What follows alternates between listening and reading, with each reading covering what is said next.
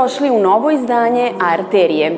Na pragu smo nove godine, a kako su ovogodišnji događaji u Novom Sadu, koji je nosio titulu Evropske prestonice kulture, pokazali umetničku raznovrstnost i bogatstvo, sa nestrpljenjem iščekujemo i umetnički program 31. decembra, koji će zvanično zatvoriti titularnu 2022. godinu.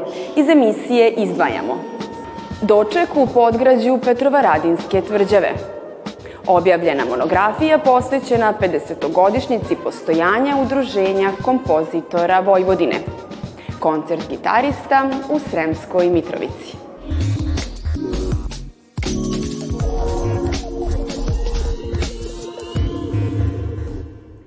Novi Sad kao evropska prestonica kulture zatvara titularnu 2022. godinu uz doček, nesvakidašnji umetnički i produkcijski program koji će osvetliti barokni ambijent podgrađa Petrovaradinske tvrđave kroz spoj vizuelne i izvođačke umetnosti. O programu dočeka, ali i o završnici titularne godine razgovaram sa Milanom Milovanov iz Fondacije Novi Sad Evropska prestonica kulture. Dobrodošli u Arteriju. Hvala na poziv. Kako je koncipiran vizuelni i muzički program u Podgrađu i šta publiku očekuje za doček? Ove godine, 31. decembra, u Podgrađu Petrovaradinske tvrđave imaćemo priliku da ponovo vidimo Teslinu svetlosnu galeriju u nešto drugačijem izdanju na kojoj rade domaći i inostrani vizuelni umetnici, ali i dve izložbe umetnika doktora Dušana Jovovića, Vreme i Vaseljena, koja, za, koju je inspiracija bio Milutin Milanković, a, i Mileva, koja je naravno inspirisana Milevo Marić Einstein. A, što se tiče tog muzičkog dela programa, imaćemo prilike da čujemo britanski sastav Košin, zatim Stereo MC, Perpetuum Jazzile, domaće bendove kao što su Obojni program, Repetitor, Monohrom i brojne druge. Deo dočeka predstavlja i veliki multimedijalni projekat Dušana Jovovića, izložba o Milevi Marić Einstein, koja zatvara godinu titule prestonice kulture. Zbog čega se njen lik našao u fokusu kulture? Nekako je i na samom svečanom otvaranju, evo sada i na zatvaranju godine titule, akcenat bio stavljen na taj spoj nauke i umetnosti. I upravo su glavni junaci i svečanog otvaranja, ali i zatvaranja bili veliki srpski naučnici Nikola Tesla, Milutin Milanković i naravno Mileva Marić Einstein. Izložba Vreme i Vaseljena umetnika Dušana Jovovića je bila deo svečanog otvaranja, a ona sada sa Milevom u obnovljenom delu Muzeja grada Novog Sada na Petrovaradinskoj tvrđavi, dakle govorimo o 1200 kvadrata. Sada te dve izložbe čine zapravo jednu celinu. I zaista je nešto što je potpuno nesvakidašnje. Ne samo da je ovo prva takva izložba o Milevi, koja priča jednu potpuno drugačiju a, a, priču. Vrlo malo informacija postoje generalno a, o Milevi, a, dosta sporenja imaju u svim tim a, a, pričama o njoj, ali ovo je zaista nešto nesvakidešnje što ćemo videti o Milevi. Dušan Jovović je zaista neko ko pomera granice kada govorimo o novom medijskoj umetnosti, pa su tako definitivno pomerene granice i u okviru projekta Evropske prestonice kulture. Tako da možemo slobodno reći da je Mileva na neki način kruna čitavog ovog projekta. Šta sada, na kraju godine, ostaje novosađenima kao legat i da li postoji nešto što biste sada drugačije uradili? Radili drugačije s obzirom na to da mnoge stvari koje su se desile nismo ni očekivali da će tako da se desi. Tako da je postignuto, čini mi se i više nego što je planirano. Kada uzmemo u obzir i pandemiju koronavirusa koja nas je zadesila, pomeranje godine titule i tako dalje, sve to nekako doprinosi čitavoj situaciji u projektu koji se razvijao i iz kojeg zaista ostaje mnogo toga. Pre svega ono što je vidljivo publici jeste svakako infrastrukturni projekti, dakle devet kulturnih stanica, planirano je da bude samo tri, na kraju imamo devet kulturnih stanica, zatim prva gradska koncertna dvorana, obnovljeno podgrađe Petrovaradinske tvrđave nakon 50 godina, distrikt koji je počeo da živi na mestu nekadašnjeg industrijskog nasleđa, Almaški kraj kao najstariji deo grada je postao zaštićena kulturno-istorijska celina. Što se tiče samih programa, tu definitivno treba istaći doček i kalidoskop kulture koji su poneli i nagrade, kao što je nagrada za najbolji evropski trend brand, takođe su prepoznati na evropskom nivou i negde jeste ideja da oni zapravo ostanu i naredne godina.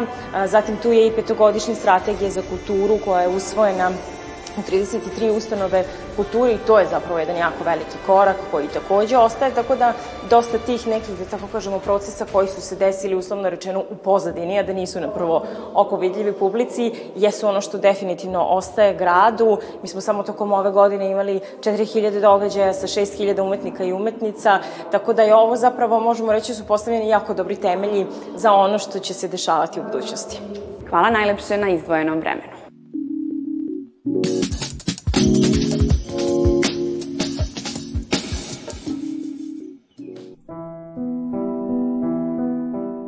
Povodom velikog jubileja 50 godina Udruženja kompozitora Vojvodine objavljena je istoimena monografija muzikologa Ire Prodanov, Nemanje Sovtića i Milana Milojkovića.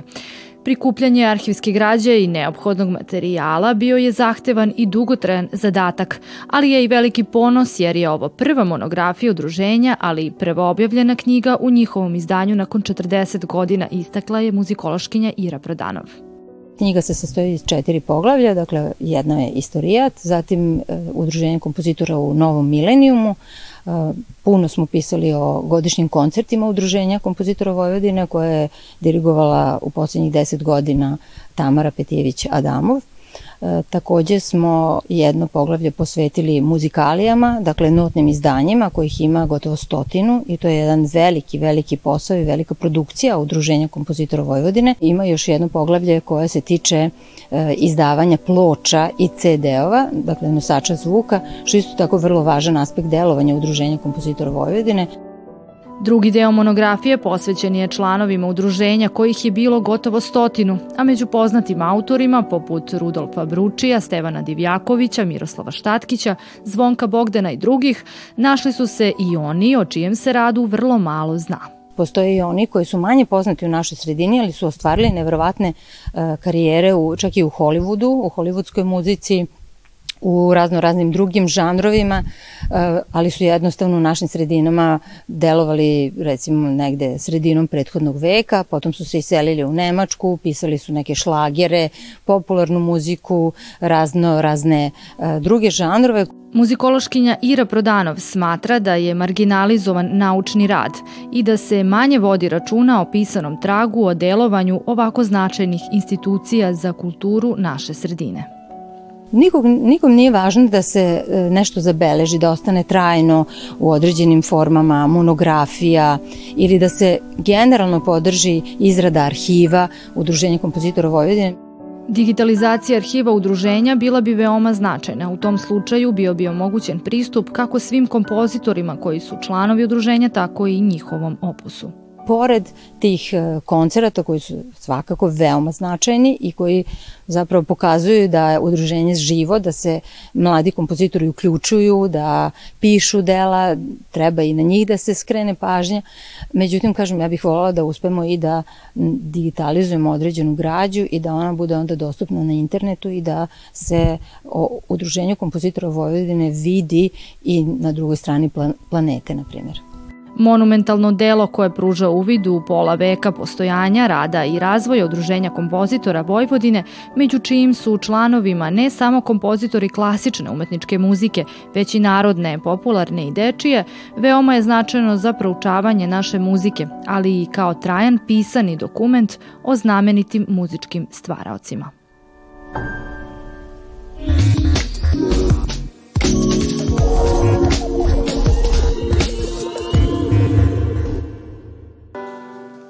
Deca su uživala u koncertu. Bila su zadovoljna svojim izvođenjem, ali i nastupom svojih prijatelja.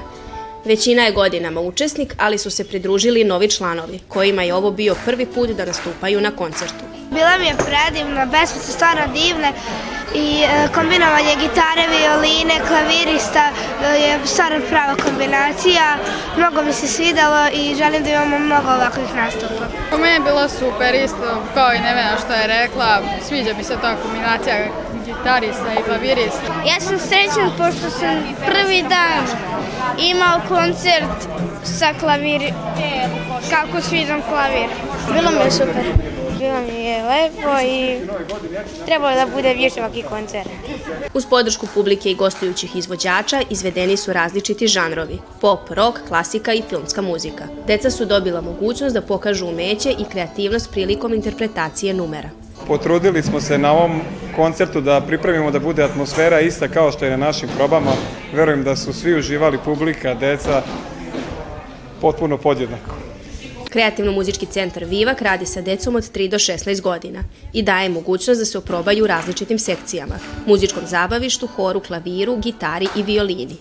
Ovo je bio samo jedan u nizu koncerata koje ovaj kreativni centar organizuje tokom godine. Deca su božanstvena, znači neko od njih zaista svira već duži vremenski period i to se čulo, a neka deca su tek počela, tek krenula, međutim toliko su se potrudili svi, toliko je bila jedna lepa atmosfera, roditelji su jako lepo podržali, prijatelji koje smo pozvali su došli, tako da zaista imam veliki razlog da budem srećna i zadovoljna i ponosna izuzetno zahvalna na svim ovim lepim stvarima koje dobijam kao veliki, veliki poklon. Ovim koncertom učesnici su svojim porodicama i prijateljima poželjeli srećne praznike, a na ovaj način su i završili ovu školsku godinu. U narednoj 2023. godini slede novi koncerti i nove priče. Stigli smo do kraja ovog izdanja emisije iz sveta umetnosti i kulture. U ime ekipe koja je realizovala Arteriju, hvala vam na pažnji i prijatno.